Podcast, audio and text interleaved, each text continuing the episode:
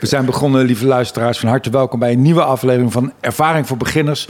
En ik zit hier met Irma Boom. Uh, zij is grafisch uh, ontwerper, zij is boekenmaker. Uh, de New York Times noemde haar de beste grafische ontwerper van deze tijd. Het MoMA in, in, New York heeft 50 van haar boeken in de permanente collectie. Geweldig dat je er bent, Irma. Nou, ik vind het ontzettend leuk. Ik vind, ik vind het ook zo goed. Ik had al een paar interviews met jou geluisterd. En dan wordt het ook allemaal zo gezegd, al die superlatieven. Ik vind dat jij dat zo heel elegant incasseert. Jij, ja, jij, jij, doet daar ook nou- nooit lullig bescheiden over of zo? Nou, ik denk 50 boeken in het MoMA. Nee, dus, zijn, zijn ik ben de enige levende boekenmaker die zij verzamelen. Dus ja, het is veel meer. Ja, heel goed. Heel goed dat je me corrigeert. Pompidou verzamelt mijn werk. Ja. Uh, Rijksmuseum heb ik nu een tentoonstelling. Die er is tot en met mei. Hè? 7 mei, ja. 7 prachtige, mei. Als ik het zelf, zulke mooie kunstwerken. Ja, ik probeerde Kun... binnen te komen, joh, maar het, lukte me niet. Ik, Wat bedoel je? Nou, omdat het digitaal lukte mij niet, want ik wilde vanmorgen gaan. Maar het lukte mij niet digitaal, omdat daar ben ik te onhandig voor om een kaartje te kopen. En je kan alleen maar een kaartje kopen eh, live als je vriend bent van het museum. En ik ben een kennis, dus ik, ik kwam er niet in. Oh, Oké, maar ik had je heel graag uh, rondgeleid. Ah, joh.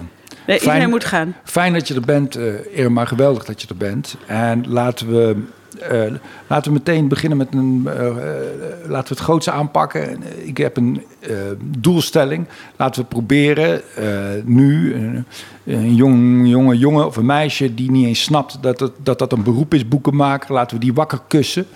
En zich laten realiseren dat dat ook een beroep is. En boekenmakers die er al zijn, eh, nog beter maken door dit gesprek. Ga, ga je daarmee akkoord? Ja, natuurlijk. Altijd. Ja, zeker.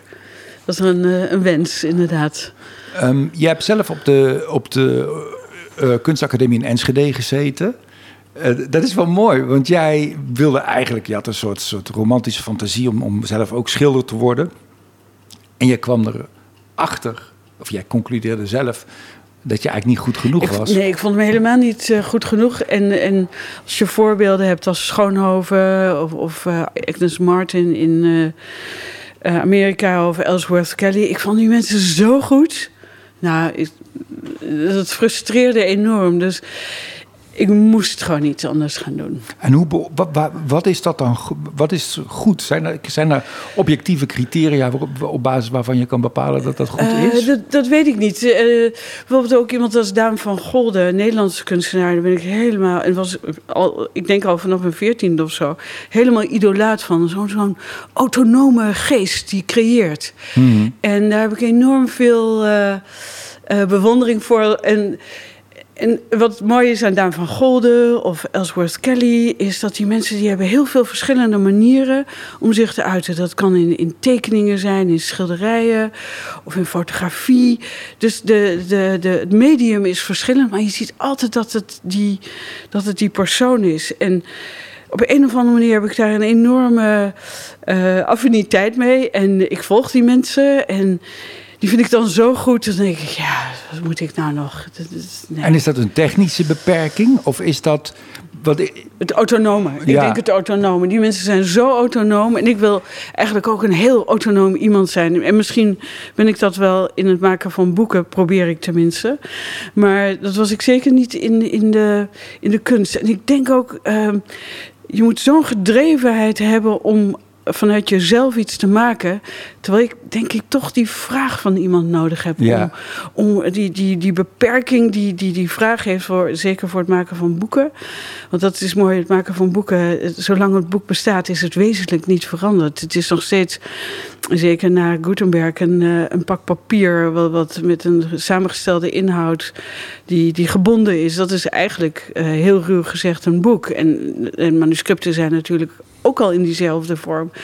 En uh, dus die, die beperking geeft mij denk ik heel veel vrijheid. En, en dat kon ik voor mezelf niet creëren als uh, vrije kunstenaar.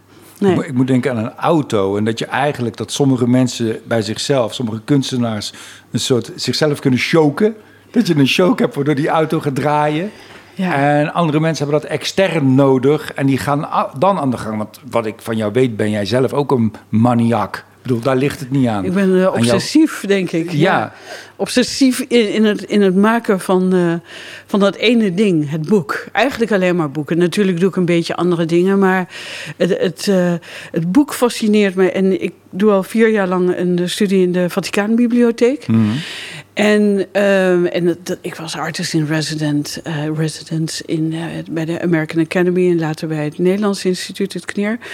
En um, als je daar in die, in die bibliotheek bent waar zoveel boeken zijn en, en je voelt de kennis, je voelt het, het geheugen van de tijd, dan zie je ook dat, dat het maken van boeken iets fascinerends is. Juist door de beperking van het boek, want je, je drukt iets. Je kunt het niet meer veranderen. Mm. Het is meestal uh, op papier en vroeger natuurlijk per of, of papyrus. Maar dat, dat die inhoud die ooit gemaakt is, daar nog steeds zo ligt. Uh, op het moment van creatie. En dat dat dus een. Een, een, uh, een, uh, zo'n boek bijvoorbeeld een, een medium is waar je uh, ja, eigenlijk wat een geheugen is. Dus een boek maak je ook voor de toekomst. Want je, want je kunt er altijd naar, naar terugkeren, naar die inhoud. En daar kun je altijd weer aan refereren. Dus eigenlijk wordt, wordt de, de, kennis alleen maar groter. En, en dat, dat vind ik toch wel fascinerend iets aan het maken van boeken. Ten opzichte van... Um, ja, kunst, kunst is onontbeerlijk, denk ik. ik. hou ontzettend veel van kunst. Ik kijk niet naar andere ontwerpers. Dat interesseert me helemaal niet. Dat is een beetje jammer van mezelf. Maar uh, ik ben nog steeds geïnteresseerd in kunst. Maar zelf in het maken van boeken en de betekenis en relevantie van het maken van een boek met inhoud. Want zoals je dat nu vertelt, lijkt het alsof het gaat om. Uh bijna informatieoverdracht. Maar het is toch wel veel meer dan dat, of, of, of het niet? Is, het is, ik denk dat het maken van boeken een, uh, een, een, integraal onderdeel is van onze samenleving, van de beschaving. En, uh, en wat dus het mooie is als je bijvoorbeeld naar een manuscript kijkt of naar een uh, incunabel, dus een, een, een boek uit de 15e eeuw. Um, dan zie je ook dat de aandacht waar ik, ik geef veel aandacht aan, ook aan het boek zelf. Dus niet alleen maar aan de inhoud, maar ook aan hoe dat boek eruit ziet. Dat was altijd zo. En dat is alleen door, door de enorme oplages en. en uh, is, dat, is die, die, die aandacht een beetje verloren gegaan. Maar het maken van boeken is, is altijd een, een culturele uh, uh, aangelegenheid geweest. M Mijn kamp is natuurlijk ook een boek. Is ook, ik ja, zeker. Ja, ja, nee, zeker. Ja. ja. Dus het is niet per se, uh, het gaat niet goed over goed of slecht. Nee, nee, nee. Dat, dat is ook, uh, denk ik ook, heel goed dat je zo'n boek noemt. Want dan kunnen we altijd Hitler op. hoe noem je dat, op vastpinnen, dat hij dat wel gezegd heeft. Hij kan ja. het niet ontkennen, want het staat gedrukt. Ja. En ik denk het Ja. gedrukte woord, dat, uh, dat, dat heeft uh, natuurlijk ook... De, de, de flux van internet is natuurlijk gigantisch. Je bereikt in één keer heel veel mensen, maar dat kan iedere keer veranderen. Maar dat gedrukte woord is onveranderlijk. Dus we kunnen altijd tegen nog daar... Uh, uh, daaraan herinnerd worden wat voor een vreselijk boek dat is. Ja. En, en, en uh, dat moeten we niet vergeten. Ja. Ik zit wel eens, als, als, om mensen een beetje te pesten. Ik heb zelf geen smartphone. En dan zit, zit, zit ik in de trein bijvoorbeeld tegenover iemand die al heel lang op die telefoon bezig is. En dan na een half uurtje vraag ik. Zou je me iets interessants kunnen vertellen wat je afgelopen... Hè, ik ben nieuwsgierig, ik heb, ik heb zelf geen smartphone. Zou je me iets kunnen vertellen wat je afgelopen half uur hebt geleerd... of wat, wat, wat interessant was? En, en dan hebben mensen gek genoeg vaak helemaal niets. Nee, Zo, want het is uh, omdat het heel passief is. Het is uh, je hoeft de, de, de hoeveelheid uh, te lezen is, is beperkt. En, uh, en het is vanzelf, hè, het, is, het is een hele passieve aangelegenheid. En wanneer je een boek leest, zul je echt iets moeten doen of een krant leest. Ja. Of, of uh, hè, wat een grotere hoeveelheid informatie tot je wil nemen, is dat een actieve uh, aangelegenheid. En, de, en de, de smartphone, het beetje swipen of scro scrollen, is natuurlijk. Uh, gedachteloos bijna. Ja. Dus dat is een hele andere manier van, van focus en van aandacht. Ik moet aan het verschil denken tussen fruit en fruitsap. Dat als je fruit eet, dat je die vezels binnenkrijgt. En dat die vezels maken dat je ook die vitamine en alles, dat dat veel beter binnenkomt. En dat als je het allemaal maar opdrinkt, dat dan ja, plas je Ja. het eigenlijk net zo hard Ja, weer dan kun uit. je ook en- en is het gedachteloos drinken. Ja, Terwijl je eet, moet je echt, uh, dan, dan moet je iets voor doen. Ja, die Ja. activiteit, denk ik, het is. uh, verteren eigenlijk. Ja, oh, letterlijk ja, en ja, ja, figuurlijk, hè? Ja, Van Maar de informatie. Ja, van de materie. Ja, en dat is interessant. En ook dus als je uh, een krant leest of een boek, uh, dan, dan, dan moet je daar zelf ook uh, iets mee gaan doen, die verbeelding. En, en dat is natuurlijk uh, heel belangrijk en waanzinnig interessant ook voor degene die leest. Dat je, als je Jan Wolkers, we hadden het net over Wolkers, leest, uh, nou, Turks fruit, dan, dan kun je, die, die film is van, van Verhoeven is natuurlijk geweldig, maar als je het boek leest, is het al zo beeldend. Je, hebt je, eigen, je, je kunt je eigen beeld creëren. En dat is natuurlijk uh, ten opzichte van een telefoon met al die reels en al die dingen die ja. je maar ziet. Het is een soort brei van, van, van, van dingen die gebeuren waar je niet, niet heel erg bij stilstaat, denk ik. Misschien alleen als het heel grappig is, maar ik weet niet. We gaan nog heel even terug, omdat ik dat ook interessant vind. Jij, zeg maar, jouw ontstaansgeschiedenis als, als kunstenaar, als boekenmaker. Is, jij bent ook een soort van uh, uh, wakker gekust, wat ik begrijp, door een docent. Abe Kuiper heette hij. Abe Kuipers uit Groningen. Ja, en die kwam langs bij jullie op school toen jij een beetje zat te, te twijfelen of je wel autonoom genoeg was als, als schilder, of je dat wel kon. En kun je daar iets over vertellen? Toen kwam hij langs. Ja, het, het was, uh, de AKI was in de jaren 70, begin jaren 80 de meest liberale school. Veel vrijer dan, dan de Rietveld. En trouwens, ik kom uit Lochem, dus Amsterdam was veel te ver weg voor mij. Dus ik bleef een beetje in de, in de regio. En uh, de AKI was toen wel, moet ik eerlijk zeggen, de school om naartoe te gaan. Zeker als je vrije kunstenaar wilde worden, moest je, moest je daar naartoe. En wonder, boven wonder werd ik aangenomen als meisje in een Burberry's en penny shoes en van dat korte haar. Ik was een heel ander type, denk ik. en, uh, dus, maar ik wilde kunstenaar worden, want het is het enige wat ik, uh, wat ik altijd deed, schilderen. Altijd. Ja. En, maar dus op die school, uh, was, dat was wel een soort uh, wake-up call. Uh, ik, ik was gewoon heel, echt niet goed genoeg. Dus ik, ik ging op een gegeven moment die, die school rondlopen. En ik weet nog dat mijn moeder of mijn vader zei van... Ah, word maar architect of zo. Of ga maar dit of ga maar dat doen. Maar ik wist het echt helemaal niet. Ik dacht echt, ik moet iets anders gaan doen. Misschien moet ik wel advocaat worden of zo. En, maar toen kwam ik dus Abe Kuipers tegen, een kunstenaar uit Groningen, die naar de AKI kwam om over boeken te vertellen. En niet alleen maar over het boek als vorm, maar ook als inhoud. En um, dus hij vertelde, hij reciteerde gedichten, maar hij liet ook atlassen zien. En dus heb je het over formaat. Want een boek gaat natuurlijk over formaat. Als je denkt aan een pdf. Heel veel mensen zeggen dat een boek een, of dat een pdf een boek is. Dat is natuurlijk niet zo. Want een boek is, is een driedimensionaal ding. En met een dikte en een geur en. Uh, ja, en een, en een formaat, een schaal. En daar vertelde hij over. En ik, werd daar, was meteen zo gefascineerd. En het mooie was, hij vertelde over. Um, het mooiste voorbeeld wat hij bij zich had was Turks Fruit en Horrible Tango van uh, Jan Wolkers. Ontworpen door de typografische ontwerpen omslagen van, uh, van Jan Vermeulen. En ik was meteen helemaal, hoe hij dat ook vertelde. Hij zei, als je dat omslag van Turks fruit ziet, dat zwart met die fluorkleuren. Als je dat boek leest, weet je dat dat omslag perfect is voor de, voor de inhoud van dat boek. En op een of andere manier, hoe hij daar uh, dat vertelde, heeft me zo, zo, heeft zoveel indruk gemaakt dat ik nooit meer heb geschilderd of getekend. Ik ben Zo. meteen uh, een, uh, heb ik een, een, gedicht opgezocht en uh, ben ik naar de zetterij gegaan op school en ben ik boekjes gaan maken die hij afschuwelijk vond en slecht. Hij heeft van honderdduizend keer gezegd dat het anders moest en beter moest. En je diezelfde moet leraar. Diezelfde leraar. Ja. Hij was hartstikke goed. Want dat is dus...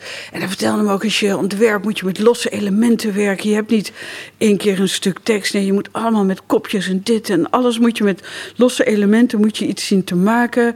Je moet, het, je moet druksels maken en je moet modellen maken. Dus die man heeft eigenlijk in, in, in, in een no time... Uh, bijgebracht wat ik moest gaan doen. En, maar kreeg je alleen maar kritiek of kreeg je ook soms iets waardoor je dacht van ik kan het wel? Weet je dat nog? Nou, ik denk dat in het begin was er heel veel kritiek, heel veel kritiek. Maar ik vond het, door wat hij had verteld, vond ik zo fascinerend. En ik, ik ben eigenlijk op zoek gegaan naar... Uh, Ehm, ik dacht, misschien moet, het dan niet, uh, moet ik het eerst iets simpeler aanpakken. Want ik wilde meteen natuurlijk iets groots maken. Nee, je moet klein beginnen.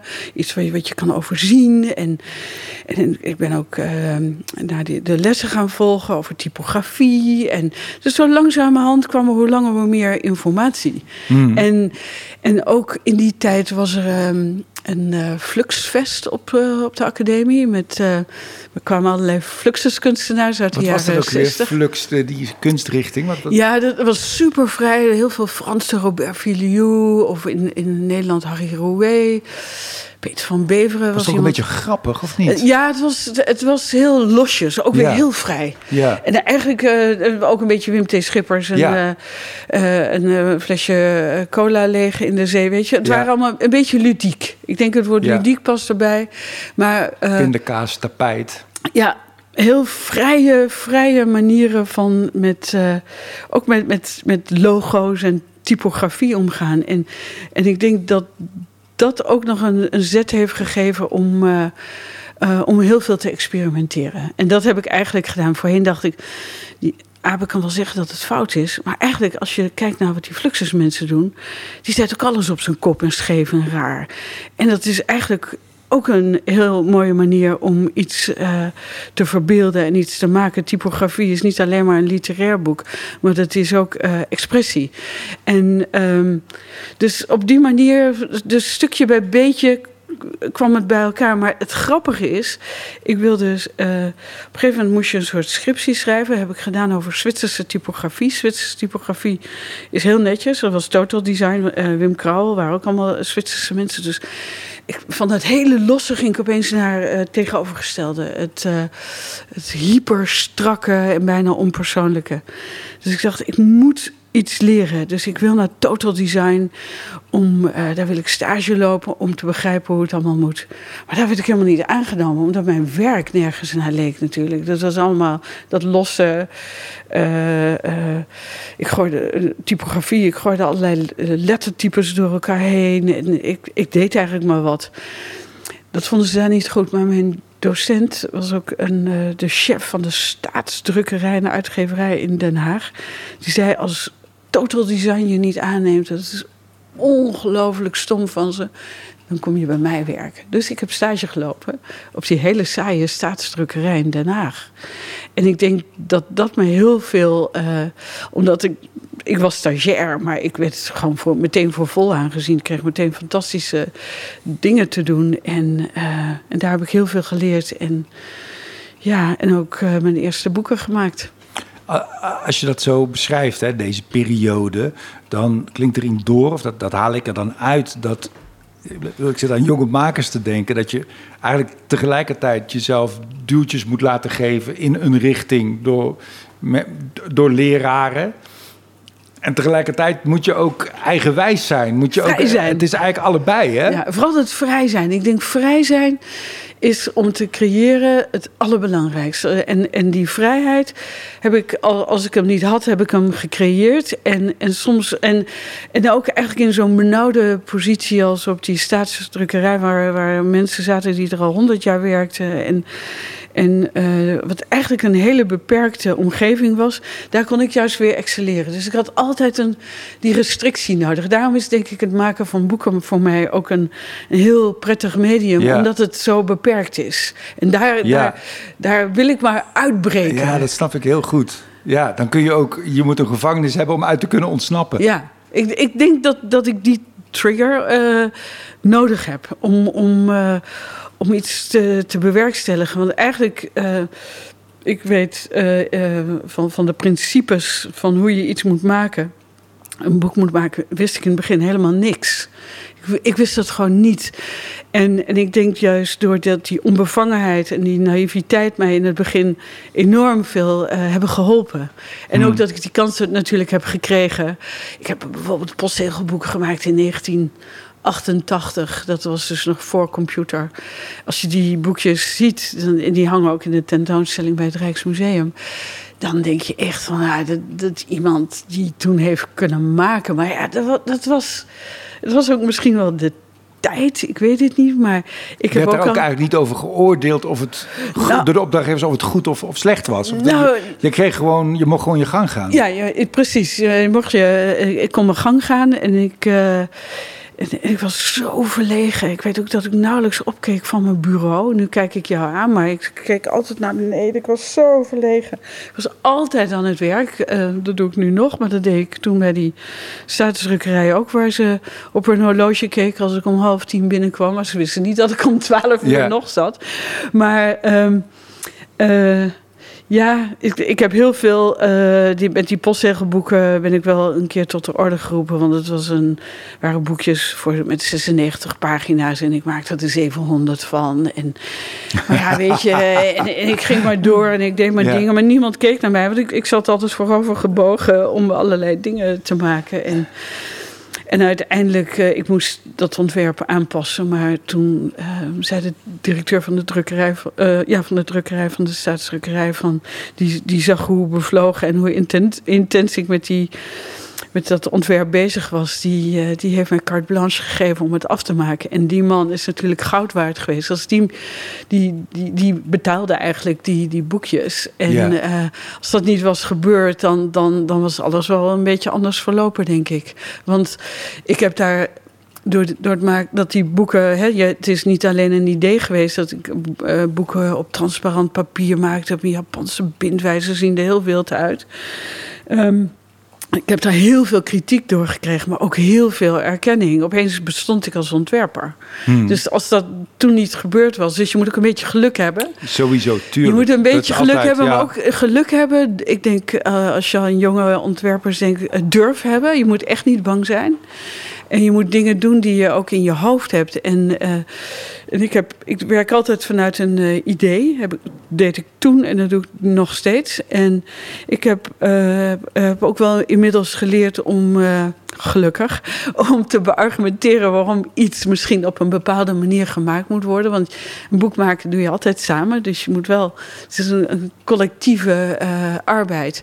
Dus je moet wel zorgen dat, dat, dat, je, dat iedereen dezelfde kant op kijkt. En ja, ik, ik maak de dingen. Ik zeg niet alleen tegen, tegen jou van Theo, ik heb een boek gemaakt. Nee, ik laat het meteen zien.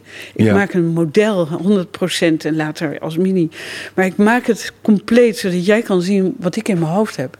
En, en dat, dat is denk ik ook een, uh, iets wat heel belangrijk is. Dat, dat, het, uh, dat je het kan laten zien. Want een boek is niet een, een, alleen maar een idee. Want een idee kan, en precies kan alleen maar heel mooi zijn. Maar ja. het besta een idee bestaat pas als, als, in mijn geval dan als ik het kan laten zien hoe het werkt.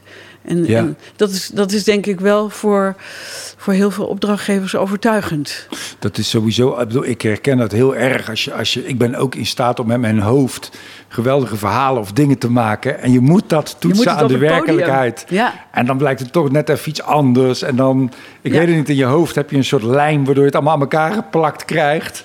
Eh, maar dat is soms een beetje te optimistisch. iets of te- anders. ja, ja. Ja. Het klinkt alsof jouw, jouw enorme bevlogenheid, die ik nu ook helemaal voel als je aan het praten bent, dat, dat, die, dat dat bijna een soort bulldozer is die ruimte maakt eigenlijk om eigenwijs te kunnen zijn. Of, of zijn, er, zijn er nog andere dingen die, die maken dat je, ehm, dat je die vrijheid kan creëren? Ehm, Die zo belangrijk wel- is. Ik denk waar, waar ik, eh, zoals, zoals ik een boek maak, ik denk altijd, dit is er. Eigenlijk is het er altijd al. En ik vind mezelf, en dat, dat gelooft niemand, maar ik vind mezelf helemaal geen goede ontwerper. Echt helemaal niet. En dat is niet om eh, bescheiden te zijn, dat is echt niet. Ik vind het gewoon niet. Ik heb alleen maar een, een idee wat ik wil bewerkstelligen. En, en, en alles wat ik maak is relatief simpel. Het is helemaal niet complex, want ik, ik blijf heel dicht bij, bij wat het is. Dus de intrinsieke waardes van, van waar ik iets voor maak. Nou, het Chanel-boek is een mooi voorbeeld misschien. Dat Ja. mensen een concreet beeld hebben van... Ja, dat is Eh, heel dicht bij, bij het gegeven. Ja. Het Cha- Het Chanel-boek is een, is een, eh, een boek over eh, Chanel, over het parfum Chanel 5. En dat is een geur die ik ook vandaag weer op heb. Die je niet ziet, maar die wel aanwezig is.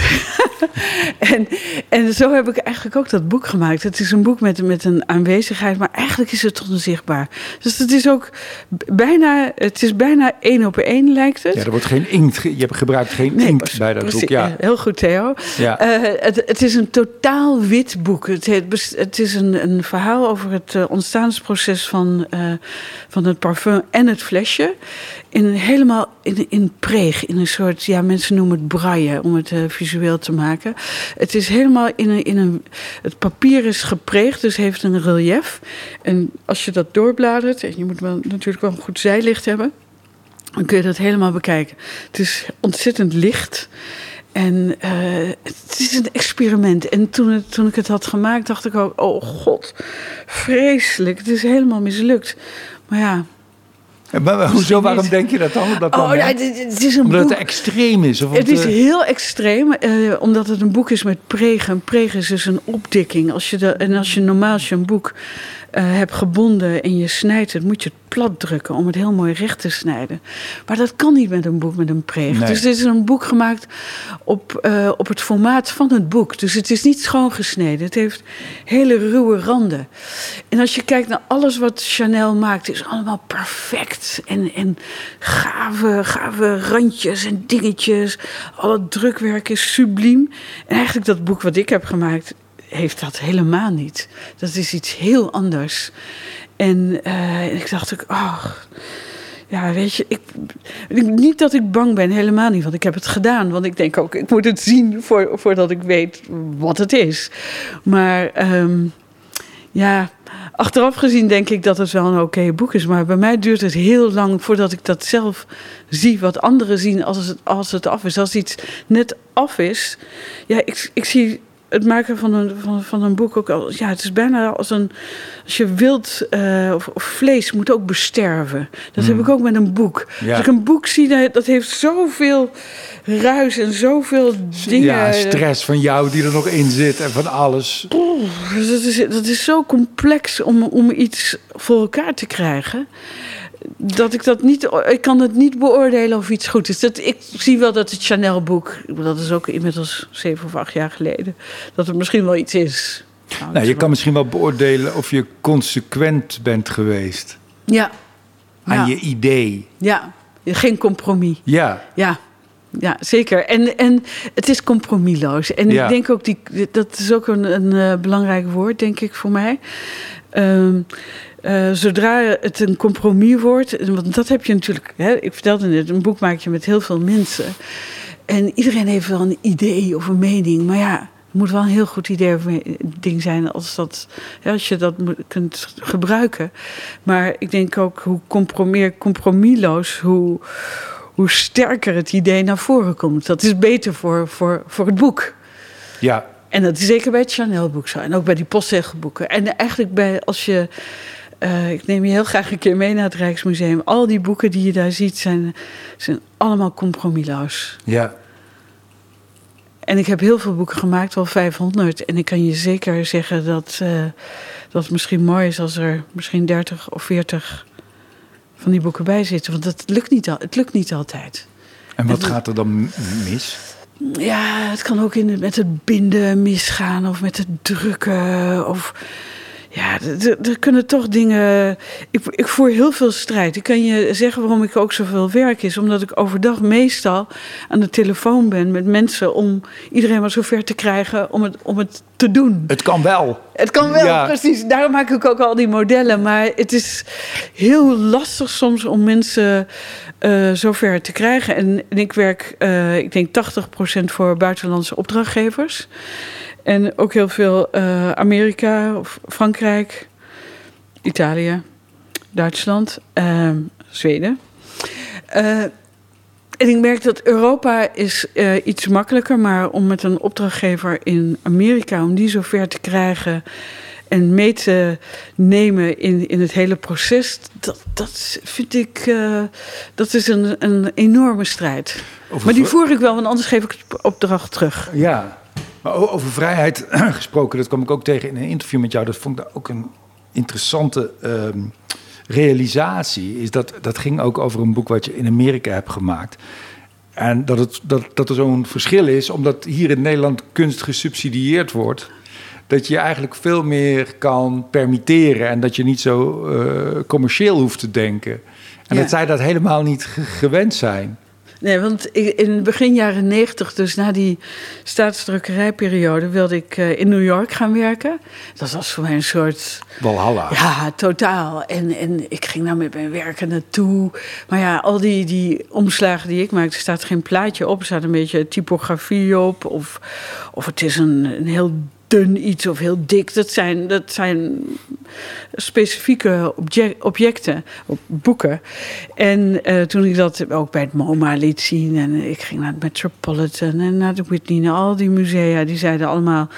Ja, uh, je komt echt uit Europa. Een beetje zo neerbuigend. Ja, ja, jullie boeken hoeven niet te verkopen. Wij maken boeken die verkopen. En daar moet een plaatje op en het moet met een glanzend omslag. Nou, allemaal dingen die, die je natuurlijk in Nederland niet doet. Uh, maar uh, het mooie is, dus dat lukte me toen niet. Ik ben uh, best wel even daar geweest. Ja, maar wat wilde je daar toen? Je wilde... Ik wilde gewoon voor het MoMA werken. ja, maar om boeken voor hen ja, te maken. Voor, ja, ja, ja, ja, boeken. Precies, ja. En voor kunstenaars of voor architecten. Ik dacht, nou, als er ergens een, een, een land is waar, waar die mogelijkheden, het land van de onbegrensde mogelijkheden zijn, dan, dan, dan Bleek moet super ik naar, begrensd te zijn. Letterlijk super begrensd en, su en ongelooflijk conservatief.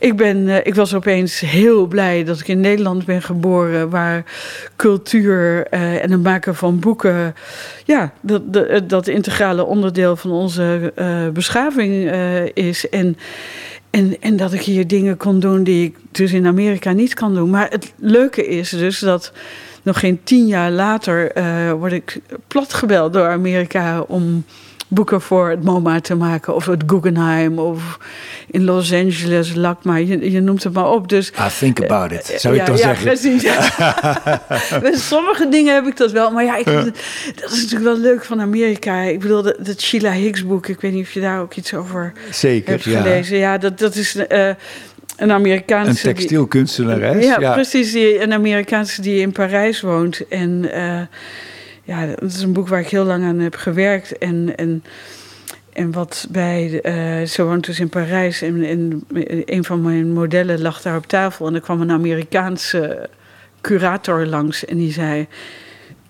Wat is dit voor een waanzinnig boek? Ik wil dat boek maken en jij krijgt een tentoonstelling. Dus dat, uh, en, dat, en dat boek is, daar heb ik wel meer dan vier jaar aan gewerkt. En uh, ook met heel veel uh, gedoe, moet ik zeggen. Want um, ik, ik, ik, werd dus, dus ze vonden dat ontwerp wat ik had liggen, of wat ik had gemaakt, wilden ze gematerialiseerd zien. Maar als puntje bij paaltje komt, uh, vonden ze mij toch te, uh, te extreem. Hebben ze me toch ontslagen op dat project. Ze zeiden ja. echt van, uh, we geloven niet dat, dat jij dit tot een einde kan brengen. Toen dacht ik echt ontslagen. Dat hebben me gewoon gezegd, you're fired. Ik begreep er niks van. Het komt natuurlijk uit Nederland, ja. hè? dus we gaan praten over dingen. Maar zij gooiden me gewoon aan de kant. Maar ja... Ik ben gewoon doorgaan, want ik werkte al vier jaar aan dat project. En het is ja, een boek over uh, ja, textiel en um, een hele mooie tekst van, van een kunstcriticus, Arthur Danto. En ik ben gewoon doorgaan en dat boek is er ook gekomen. En die, die vrouw die mij ontslagen heeft, daar ga ik trouwens vanavond weer naartoe. Ik ga echt naar Stockholm. En, uh, en met die vrouw, uh, Nina Stritzler, maak ik heel veel boeken nu. Maar dat was mijn grootste vijand tijdens uh, dat project. Want ze begreep helemaal niet hoe ik werkte. En ik werk natuurlijk autonoom. Ik doe alles. Ik doe Hmm. de productie van een boek. Ik ben met, met Heb je dat bezig. Sorry dat ik onderbreek, maar heb je Ja. dat geleerd gaandeweg om dat wat er zich in je hoofd afspeelt, om dat te, ver, verbaal te maken en te kunnen communiceren met, met opdrachtgevers? Ben je daar beter in geworden gaandeweg? Ja, ik, ik denk dat dat, eh, dat, dat inderdaad een, eh, in het begin een beperking was. Want als ik iets maak, zie ik het al. Ik heb het boek al gemaakt, dan moet ik het alleen nog materialiseren. En ik denk dat dat, eh, dat, dat, heb, dat probeer ik wel beter uit te leggen. Ja. Daar zit wel een soort van hiaat. Want ik ben, natuurlijk, ik ben er al. Ja, En ik moet, moet mijn opdrachtgever meenemen. ja, als een soort ballast hangen die aan je. Ja, dan denk ik, wat is dat dan voor een stomme vraag? Ja. Dat, maar dat is het toch al? En dan weet je, net als ik in dat boek van Sheila Hicks heb ik tekst, oh, dat is zulke mooie tekst van die Arthur Danto over eh, eh, de, de relevantie van textiel in, in, in cultuur. Hè? Het eerste wat we hebben gedaan als mensen is ons bedekken. Dus textiel is heel oud. En ehm, dat is ook zo belangrijk als iemand het werk van Sheila Hicks uh, wil begrijpen, moet je die tekst lezen. Dus ik had die tekst groot geplaatst en kleiner. Voor mij was het natuurlijk, als je een tekst groot plaatst, dan is dat een uitnodiging. En dan zei de pagina's om, die tekst wordt kleiner. En voordat je het weet, zit je in die tekst. Voor mij is dat een, een, een gegeven. Ja. Maar als ik dat niet tegen die opdrachtgever vertel, die denkt ook Yale Press, weet je wel, zo'n zo'n wetenschappelijke uitgever die denkt, wat is dit nou voor een raar gedoe met die grote letters? Tekst is bij ons serieus, dat zeiden ze hmm. ook. Van, uh, Spielerij, geen spielerij. nee, geen, geen, geen gedonder met wetenschappelijke teksten. En, die, en ze zeiden ook, wat moet Arthur Danto hier wel niet van vinden? Dat kan echt niet. En toen zei ik, echt zo leeft hij nog? He, een beetje quasi nonchalant. En toen zei ze, natuurlijk. Ik zei, oké no assumption. Hè? Vooroordelen heeft iedereen ook altijd heel snel voor een ander praten. Mhm. En uh, dat is ook een goede les, denk ik, voor, voor jonge ontwerpers. Altijd naar de bron zelf. Niet wat een ander misschien zou denken. Ja. En uh, nou, Sheila Hicks heeft Arthur Danto benaderd. Die heeft het ontwerp laten zien. Uh, woonde, woonde, hij is inmiddels overleden, maar woonde in New York. En die zei, het is de eerste keer dat mijn tekst uh, zo is ontworpen dat het, uh, dat het toegankelijk en leesbaar is. Dus uh, volmondig ja, zei hij. Nou ja, je press stond Fijn. met een mond vol tanden. Ja. Dus er moest een volgende battle zijn. Ja. We hadden een wit omslag voor een Amerikaanse uitgever. Het boek is ook helemaal, helemaal wit. Dat begrepen ze helemaal niet. Ze zeiden, er moet een plaatje op. Sheila Hicks is een kunstenaar. Ze maakt hele gekleurde weefsels. Dus dat moet op het omslag, want anders weet niemand dat dat een boek over Sheila Hicks is. Sheila Hicks was helemaal niet bekend. Dus niemand zou weten dat het Sheila Hicks is. Ik had haar naam in koeienletters, staat er nog steeds op de rug gezet. En uh, ze zeiden, ja, maar uh, op Amazon, wie ziet dan dat dat een omslag van een boek is als het helemaal wit is? Ja. En uh, ik zei, nou ja, het, Sheila Hicks is een hele interessante vrouw. En ik gun haar een groter publiek dan alleen maar in textiel ge geïnteresseerde mensen. Zij moet een duizenden publiek hebben, niet een honderden. En toen zei, vonden ze dat zo raar. Ze zeiden, ja, maar dit boek gaat nergens over. Het heeft hele ruwe kanten. Hmm. Wat al bijzonder is, het, is echt een boek, als je het ziet liggen, wil je het oppakken. En zodra je het in je hand hebt, leg je het niet meer terug. Want het, het is een gek boek. En, uh, en heel passend voor, voor, voor die textielwerken van, uh, van Sheila. En uh, zij wilde, ze dwongen mij om een afbeelding erop te zetten. Dat heb ik niet gedaan. Dus ik zei, dan lever ik het boek gewoon ja. niet in. Ik, ik werk ja, inmiddels toen bijna vijf jaar aan dat boek. Dus ik, uh, ik uh, hoorbaar gooide ik het in de prullenbak. Ik zei, het is weg. Ik, ik werk er niet meer aan. En uh, uiteindelijk heeft Sheila Hicks ook uh, bemiddeld. En die zei, ik sta helemaal achter Irma. Ja. En ik wil dat het boek gemaakt wordt zoals zij het heeft bedacht. Ja, dus je moet offerbereid, je moet ook offerbereid zijn. Want het risico bestaat dat ze, dat ze inderdaad dat iemand gaan. Ja, maar ook dat moet je. Ja, ja, dat was ik wel. Ik denk, het is alles of niets. Ja. Het is dat witte object. En ze zeiden, nou, wij gaan er failliet aan en dit en dat. En iemand zal ontslagen worden. Nou, wat blijkt? Uh, we zijn nu, um, het is 2006, dus we zijn. Uh, 16 jaar verder. We hebben inmiddels de zesde druk van het boek. Het is de bestseller van, uh, van Yale Press. Ja. dat is het boek. En het heeft Sheila Hicks haar het is, een, het is een, een, een, boek als tool, een boek als een gereedschap. Het, heeft haar, uh, het is haar ambassadeur van het werk geworden. Ze is beroemder dan ooit. En uh, we je noemde net het MoMA. Het MoMA heeft besloten om mijn werk uh, te verzamelen naar aanleiding van het Sheila Hicks boek. Die volgde me al een tijdje om ze zeiden, dat boek dat slaat alles. Nu gaan we je als enige levende ontwerper, we gaan je, je boeken verzamelen. Dus dat boek, dus als je wat durft, komt er ook iets, kan er ook iets terugkomen. Niet altijd, hè, maar nee, kan precies, want dit is de successtory en dat goed. is te gek. En ja. die heb je ook heel veel. En maar ook, heel, ook heel veel Ja, want het, de, ik neem ja. aan dat je ook wel eens de plank mislaat. Hm. Met, met die intuïtie en met je eigen wijsheid. Ja, natuurlijk. Ik denk heel, dat heel vaak dat het toch nee, dat het, het niet goed is. En ik, en ik uh, verlies ook wel opdrachtgevers. Ook door een bepaalde houding. Of mensen die ik dus niet uh, mee kan krijgen. Of ja, nee, dat gebeurt zeker. Ja, gebeurt regelmatig, ja. Als we even nog inzoomen op dat, nou, laten we dat... Maar het is nooit zo leuk om voor die mensen om dat te noemen. Dus, nee, je hoeft geen namen te nee, noemen. maar het gebeurt zeker. Nee, het gebeurt het is goed om te uh, weten regelmatig. Dat ook een hele geslaagde carrière niet bestaat uit alleen maar succes. Nee, maar ik denk juist... Uh, en ik heb ooit aan een boek gewerkt met Johan Pijnappel. Een SAV-boek, een heel dik boek en, een, en dat is een boek uh, zonder paginacijfers, zonder uh, hoofdstukindeling, maar met alleen maar vragen. Een van die vragen is: What can you learn from mistakes? En ik denk dat dat voor mij ook wel een enorme leidraad is. Het maken van fouten helpt je juist veel verder dan zogenaamd goede dingen maken. Die, die Hmm. fouten maken je nog veel scherper. Ja. Veel scherper. Uh, laten we even als voorbeeld, om, omdat dat zo'n helder voorbeeld is, dat die opdracht van, van, van, Chanel, je moet een, een boek maken voor ze. Uh, wat zijn dan, heb je, heb je altijd al geweten wat jouw ideale omstandigheden zijn om creatief te zijn, om maximaal geïnspireerd te zijn? Hoe, wat, hoe, wat gebeurt er vanaf dat moment? Hoe doe je dat? Nou, ik weet dat toen mensen van Chanel kwamen, hebben ze zich niet geïntroduceerd als Chanel. Maar het waren, en ze wilde op een zaterdagochtend komen en het was allemaal een beetje mysterieus. Maar, um, dus ik, ik had een leuk gesprek met mensen, maar op een gegeven moment zei ik, ik zei, moeten we nog verder praten na drie uur? Ik denk, pff, ging maar door. En uh, toen zei ik, ik wil alleen met jullie werken als jullie van Chanel zijn. Dat was ook een soort intuïtie. Maar dat wist je niet. Nee, dat was al nee, een boek nee. over Chanel, dacht je? Of? Ja, nee, ze zeiden Oh. helemaal niks. Oh. Ze zeiden gewoon, we zijn, mogen we je werk zien? Ja. We zijn geïnteresseerd en mogen hoe we je werk dan, zien? hoe kwam jij dan op Chanel? Ja, dat weet ik ook niet. Dat Oh. was ook zoiets. Ja, ja. Ze kwamen uit Parijs. Ja, ja.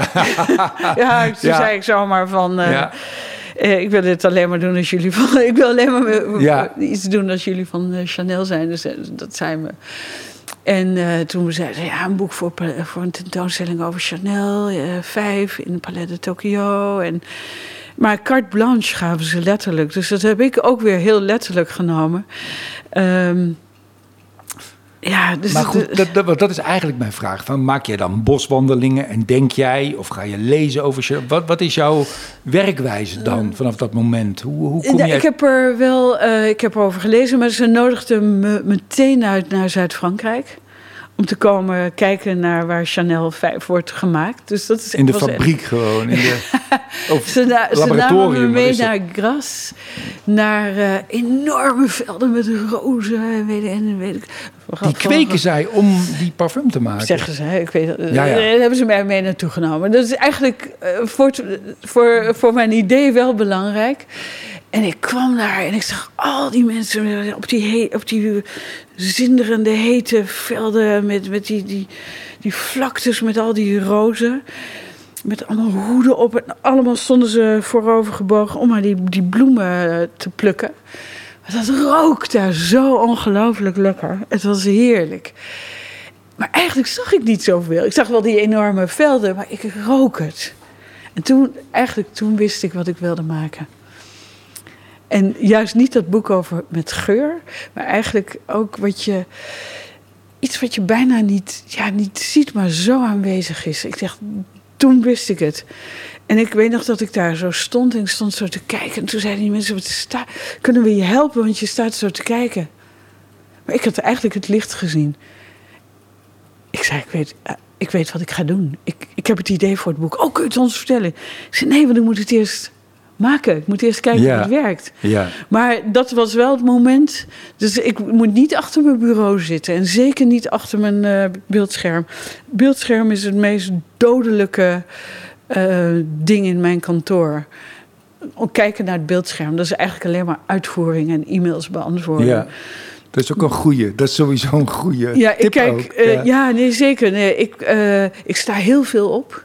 Ik ben eindeloos aan het lopen en dingen aan het doen. Het liefst even naar de tuin of, eh, of eh, een wandeling maken. Maar het gebeurt zeker niet achter het beeldscherm. Absoluut niet. Of naar een museum gaan of eh, wel actie. Ik denk in, en dat zeggen Japanners ook. als je echt goede ideeën wil hebben, moet je gaan lopen. Je moet, Ja. je, je moet bewegen in ieder Ja. geval. Ja. Je niet, niet stilzitten. Want dat heb, ik geef al heel erg lang les. Dus toen zei je opschepper. op Yale. Al. Ja, ik vroeg of je wel eens in Eindhoven was. Voor de, voor, de, voor de Design Academy. Toen kreeg ik echt zo van Eindhoven. Ik geef je les op Yale. En Harvard inmiddels. Ja, dat vond ik opschepperij, ja. Alsof dat meer is dan de Design Academy in Eindhoven. Nee, nee, zeker niet. Maar wat het fijne is om niet in Nederland les te geven... is dat je ergens naartoe gaat en niet in een structuur zit. Ja. Want ik, ik heb ook en Irma Boom klinkt ook veel beter dan Irma yes, Boom. Of course. Irma Boom. Ja, daarom is de tentoonstelling in Rome, in het Vaticaan, uh, is uh, Book Boom. En het is samen met boeken van het futurisme, omdat ze dachten dat mijn naam explosie betekende. Ja. Dus heel erg leuk. Nee, maar ik heb uh, lesgegeven op de Jan van Eyck in Maastricht. En nou, ik, ik vond het soms, je, dan zit je in een structuur, dus dan moet je ook naar vergaderingen. Maar het leuke is, als je lesgeeft in Amerika, dan ben je, in het begin was ik daar een maand, inmiddels is dat nog maar een week dan ben je daar en dan heb je het ook gehad. Het is heel intensief en dan ga je terug naar Nederland en dan is het uh, voor een jaar uh, verkeken. En uh, dus dat is een hele andere manier. En geef je dan colleges of gaan jullie knutselen met z'n allen? ik was heel lang, dus ik denk wel 15 jaar. In het begin gaf ik zogenaamde workshops. was ik daar wel een maand. Dan maakten we boeken of ja. meestal boeken. En de laatste 15 jaar was ik uh, voor de, het, de, Op Yale hebben ze alleen maar een graduate program voor ontwerpers. En dat is twee jaar, dus een master. En ik was een uh, thesis advisor. Dus ik, ik, eigenlijk om, om hun uh, diploma te halen, moeten ze een boek afleveren. Ja. En dat boek is natuurlijk een mooie momentopname om iets vast te leggen in een, in een, uh, op een belangrijk moment in, je, in, je, in je leven. Mm. Zeker als graduate op Yale of, of, of elke graduate. maar in ieder geval, zij moeten een, een een, een uh, thesis, een boek afleveren om, om een uh, diploma te krijgen. Dus eigenlijk uh, geef ik dan meer seminars. Ik ben meer eigenlijk aan het vertellen over boeken. Ik neem ze mee naar bibliotheken. En, want dat is het mooie van Yale. Dat is ook een reden om te gaan. Voor elk onderwerp is er een bibliotheek. Ja. Het is waanzinnig. Het is echt ongelooflijk. En... Um, en, en ik praat dan ook al, uh, of ik werk ook veel met architectuurstudenten. Architectuurstudenten zijn vaak nog meer geïnteresseerd in het boek dan, uh, dan uh, grafische ontwerpers. Want die zijn eigenlijk meer ook met digitale media bezig. Die, die, de relevantie van het boek moet ik ieder jaar uitleggen. En Hmm. dat is natuurlijk voor mijn eigen ontwikkeling heel belangrijk geweest. Want ik weet kan onder woorden brengen, denk ik, waarom je boeken moet maken. Ja, dat heb je eigenlijk al verteld. Heb ik al verteld, dit, precies. Dit, en dat, dat vertel ik dan ook tegen die uh, uh, studenten. En dan, want in het begin wil eigenlijk niemand een boek maken. Ik denk dat dat oude, ouderwetse ja. ding. En maar als ik het dan vertel, dan denken ze weer, oh ja, we moeten het gaan doen. Maar um, ja, uh, waar was ik ook alweer? nee, ja, nou ja, wat je nu net zei. Ja. Want dat is ook wel, dat vind ik ook mooi, nadenkend over jou, is dat uh, je bent grafisch vormgever en boekenmaker. En dat die, die vorm eigenlijk helemaal bijna uh, consequent en organisch ontstaat vanuit de inhoud. Dat die twee dingen eigenlijk niet meer zo goed te onderscheiden zijn. Nee, het hoort echt bij elkaar. Ja. Ik denk, en dat zie je dus uh, heel vaak gebeuren. En dat zie je ook bij de best verzorgde boeken. Ik weet niet of je die wel eens... Dat vind ik echt vreselijk. Best, ja. best verzorgde... Klinkt een voortuintje wat heel ja, netjes ja, voorbij precies, gaat. nou. Exact, heel goed uh, omschreven. Ik denk dat het, het, maken van boeken veel meer is. Dat best verzorgde interesseert me geen lor. Echt vind ik verschrikkelijk. Het, het, het hoeft helemaal niet verzorgd te zijn. Het moet... Het moet uh, uh, radicaal of anarchistisch zijn. Het is veel interessanter dan, uh, dan dat net aangeharkte voortuintje. Ja. Wat het boek niet is. Een boek uh, is ook een, een, een instrument of een, een, een gereedschap om iets te bewerkstelligen. En dat vind ik veel interessanter. En daar heb je in de, in, het, in de boekenwereld natuurlijk hele goede voorbeelden van, maar ook hele slechte. Ik bedoel, het rode boekje kun je ook iets over zeggen. Over mijn kamp, wat jij net zei. Maar uh, dus, je hebt ook Anne Frank. Dus uh, als zij het niet uh, geschreven had, wel, hadden wij niet haar verhalen gehoord. Hmm. Ook wij, wij hebben ook een, het, voor het Anne Frankhuis een. Uh, een, een, soort catalogus gemaakt over wat je daar kan zien. Dus het alles wat je kan, wat je kan vastleggen, kan, kan grijpen en waar, waar je. Ehm, wat, je, wat ook mooi is dus van een boek, dat het in een oplage gedrukt wordt. Het is niet één, want dat is niet interessant. Het moet in een oplage. En, en dat je dat kan verspreiden, dus dat het iets democratisch is. Dat is natuurlijk uh, uh, het fascinerende van een boek. En juist dat, dat vastgelegde uh, verspreiden. Ik denk dat dat voor mij een, een cruciaal uh, ding is. Hoe bedoel je dat vastgelegd? Nou, dat vastgelegd dat het gedrukt is. Ja. Bijvoorbeeld, um, Galileo heeft in 1610 heeft hij bewezen dat, uh, dat de aarde om de zon draait in plaats van de zon om de aarde. Dat is een belangrijk moment, want de kerk en Aristoteles beweerden dat de zon. Uh, ja. Nou ja, je kent het verhaal. Dus hij, heeft, hij kon dat bewijzen en hij was er enorm op gebrand om dat vast te leggen. Stel je voor dat hij dat niet vast had gelegd in dat uh, pamflet. Dan uh, was het misschien onduidelijk geweest wanneer en wat uh, dingen waren gebeurd. Maar hij heeft dat vastgelegd en verspreid. Hij is er door verketterd. Hij is er gelukkig wel door in leven gebleven. Maar... Gecanceld heet dat nou. Gecanceld, ja, precies, precies. Maar dus dat zijn daar, daar zie je ook, daar begint mijn, mijn uh, eigen mini, mijn eigen catalogus begint ook met Galileo. Heb je hem daarbij, hè? Ja. Oh, ik heb hem... Wacht even. Die begint ook met Galileo, juist omdat hij wilde, een statement wilde maken. En dat staat voor dat voor mijn statement. Want ik maak ook een statement over uh, het maken van boeken. En, en waarom we dat moeten doen, juist dus om dat stabiele medium. We kunnen nog steeds dus dat uh, Siderius Nuncius uh, uh, opzoeken en lezen wat, wat de ontdekking en het bewijs van Galileo was. En dat, dat maakt het boek denk ik ook zo fascinerend. Het is vastgelegd. En dus wordt het een, een referentie voor, voor toekomstige gedachten. Dus een boek maak je voor de toekomst. Een boek maak je niet voor het verleden. En ook niet, eigenlijk niet voor het heden, maar je maakt een boek voor de toekomst.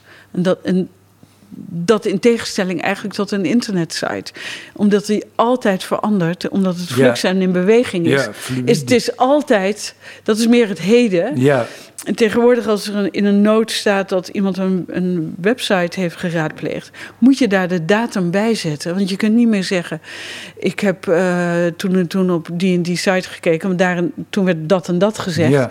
Want dat kan vandaag anders zijn dan gisteren. Ja. Dus je moet de datum erbij vermelden. Het heeft allebei iets moois. Hè? Ik Ja. bedoel, ook Ja, zo'n. Wikipedia is ook iets schitterends. Ja. De- Maar, daar is- staat ook een, een, een datum bij wanneer iets is aangepast. Ja, Dus dat is heel belangrijk. ja. En bij een boek is het een, is het een gedachte. En een boek is ook een, een, een eh, container of thoughts. Het is ook een gedachte ding.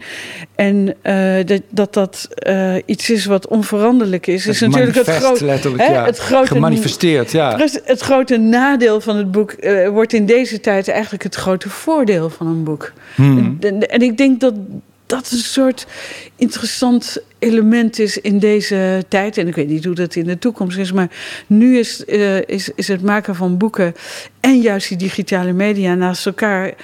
Is denk ik ook waarom ik zo uitgesproken kan zijn. Als, ik, als er alleen maar, als er geen digitale media was geweest, eh, hadden we waarschijnlijk ook niet hier gezeten.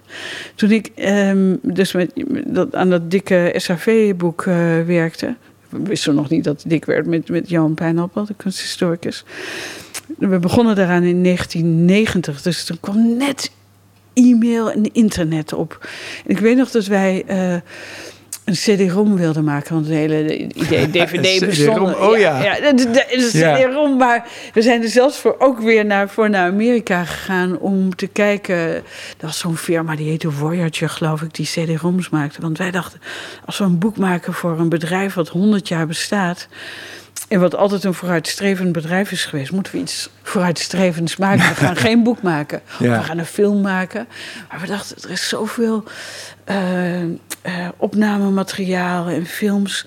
We moeten een CD-ROM maken. Maar toen eh, beseften we ons gelukkig. we zouden aan dat project vijf jaar werken. Dat als we vijf jaar aan iets werken wat zo sterk in ontwikkeling is. als toen de digitale media, wat bijna bij, met per maand ontwikkelde. Misschien wel per dag. Hè. Ja. Als we dus die CD-ROM hadden gemaakt, dan was het al verouderd bij eh, op het moment van verschijnen in 1996. En uh, toen hebben we, het was ook, ging allemaal veel te traag. En toen hebben wij besloten om een boek te maken, maar wel gebaseerd op het idee van internet. Dus we hebben uh, we besloten om een boek te maken wat wat zo dik is dat je niet helemaal je de weg kan vinden. Geen paginacijfers. Het is een boek waardoor je heen kan browsen. Dus het had alle, alle elementen van internet, alleen was het een boek. Ja. Maar eigenlijk een desoriënterend boek. Een desoriënterend boek gemaakt in, in uh, antichronologische volgorde. Eigenlijk zoals je dus ook een website bezoekt. Je komt altijd bij het heden en je kunt helemaal naar het verleden. Dus het is helemaal op, op internet uh, gebaseerd. Alleen hebben we dat boek gemaakt. En het grappige is, en, en het boek ziet er. Heeft helemaal, ik vertelde dat ik voor mezelf helemaal geen goede ontwerper. Dat boek is een idee. En het bestaat allemaal uit archiefmateriaal en et cetera. Nou, het gaat te ver om dat helemaal uit te leggen. Maar dat is een, een soort statement geworden. Dat boek in het Engels en in, en in het Chinees hebben we het gemaakt. Uh, in, uh, in die vijf jaar. En uh, als je dat boek nu ziet is het helemaal niet verouderd. Het heeft helemaal niet iets modieus of iets. Het is heel tijdloos. Het boek heb ik, heb ik 25 jaar geleden ontworpen en ook de redactie gedaan. En dan zie je, dat, het is iets fascinerends, dat het gewoon nog. Het lijkt alsof het vandaag gemaakt is. En hoe komt dat? Nou, het, het heeft. Eh, dus die website zou verouderd en, gedateerd zijn. Of, zou niet eens met het, eh, of die CD-ROM zou niet eens meer bespeeld kunnen worden. Maar dat boek functioneert nog totaal. Het is gewoon nog helemaal een, uh, ja, een hedendaags ding. Ja. Dat, ik, wat dat is, ja, het is, het is zonder fashionable, modieuze dingen ontworpen. Het is heel droog. Het is een heel eenvoudige bladspiegel, heel eenvoudige tekst en beeld. Het is een soort film. Eigenlijk is het wel een soort film. Heel eenvoudig gemaakt. Heb jij het idee dat jij, uh, dat, dat, jij je nog, dat jij je ontwikkelt ook, dat je beter wordt? Ja, daarom maak ik ook. Uh, mijn catalogus is altijd een klein boekje. Ja, Toen ik het in 2010 voor het eerst maakte, was hij mini, mini, mini, mini, 3,5 centimeter hoog. De tweede, uh, elke keer als ik een tentoonstelling heb, maak ik er een. Dus, en dan wordt hij 3% groter. En dan wordt hij 3% groter. En ik had uh, 2013 een laatste boekje gemaakt. En nu voor, bij het Allard Pierson had ik een tentoonstelling. En nu dus bij Rijks en, en Vaticaan ook. Um, heb ik weer een, een boek gemaakt, maar dat was uh, bijna negen jaar later. Dus dat boek is opeens enorm groot geworden. Maar de gedachte, wat ook wederom de Japanners hebben, dat als je maar oefent. Hè, de Hiroshige heeft dat ook met zo'n, eh, met zo'n golf gedaan. En maar weer tekenen, en maar weer tekenen. Om maar beter te worden. Ja. Dat gevoel heb ik ook. Daarom maak ik een klein boekje. En kan die ieder jaar ietsje groter worden. Omdat je beter moet worden. Want het kan altijd beter. Oh ja, ik, ik vind, denk dat er nog heel veel te ontdekken is. En dat het nog veel beter kan. En misschien nog wel veel puurder. En nog veel uh, uh, ja, meer tot de essentie uh, gemaakt worden. Ja, denk het wel. Dus dat is wel een streven. En heb je dan enig idee wat nu de obstakels zijn die maken dat je daar dan nog niet bent? Zit er nog iets in de weg? Ah, dat is Om optimaal te zijn? Ja, hmm. Ik denk dat, dat, dat de echte opdracht moet, eh, moet ik misschien nog wel krijgen, denk ik. Vermoed ik. Maar. En ik ben misschien wel door die, die studie ook in het, studie in het Vaticaan enorm geïnteresseerd in astronomie, in, in, in wat er in het heelal gebeurt. Misschien dat daar iets is, ik weet het niet, geen idee. Maar het kan altijd beter. Want je was, ben jij ook bezig met numerologie? Ja, ik geloof heilig in het getal drie. Alles, alles wat ik maak is, uh, eindigt uiteindelijk allemaal op getal drie. Ja. En wat, wat is dat dan? Ik weet er niets van. Dus ik ik weet er ook heel oh, weinig van. Maar um, uh, er is een, een kunstenaar, Laurien Weijers. En uh, zij kan heel goed vertellen over Indiase numerologie. En ik blijk getal 6 te zijn. Ik ben kind nummer 9. En dat is 3 x 3. En alles, alles valt. Uh, het valt in elkaar en, en, en paginacijfers eindigen allemaal, als je die optelt of aftrekt, allemaal op drie formaten. Dat is een, een, een ieder boek wat ik maak heeft wel iets met nummer drie.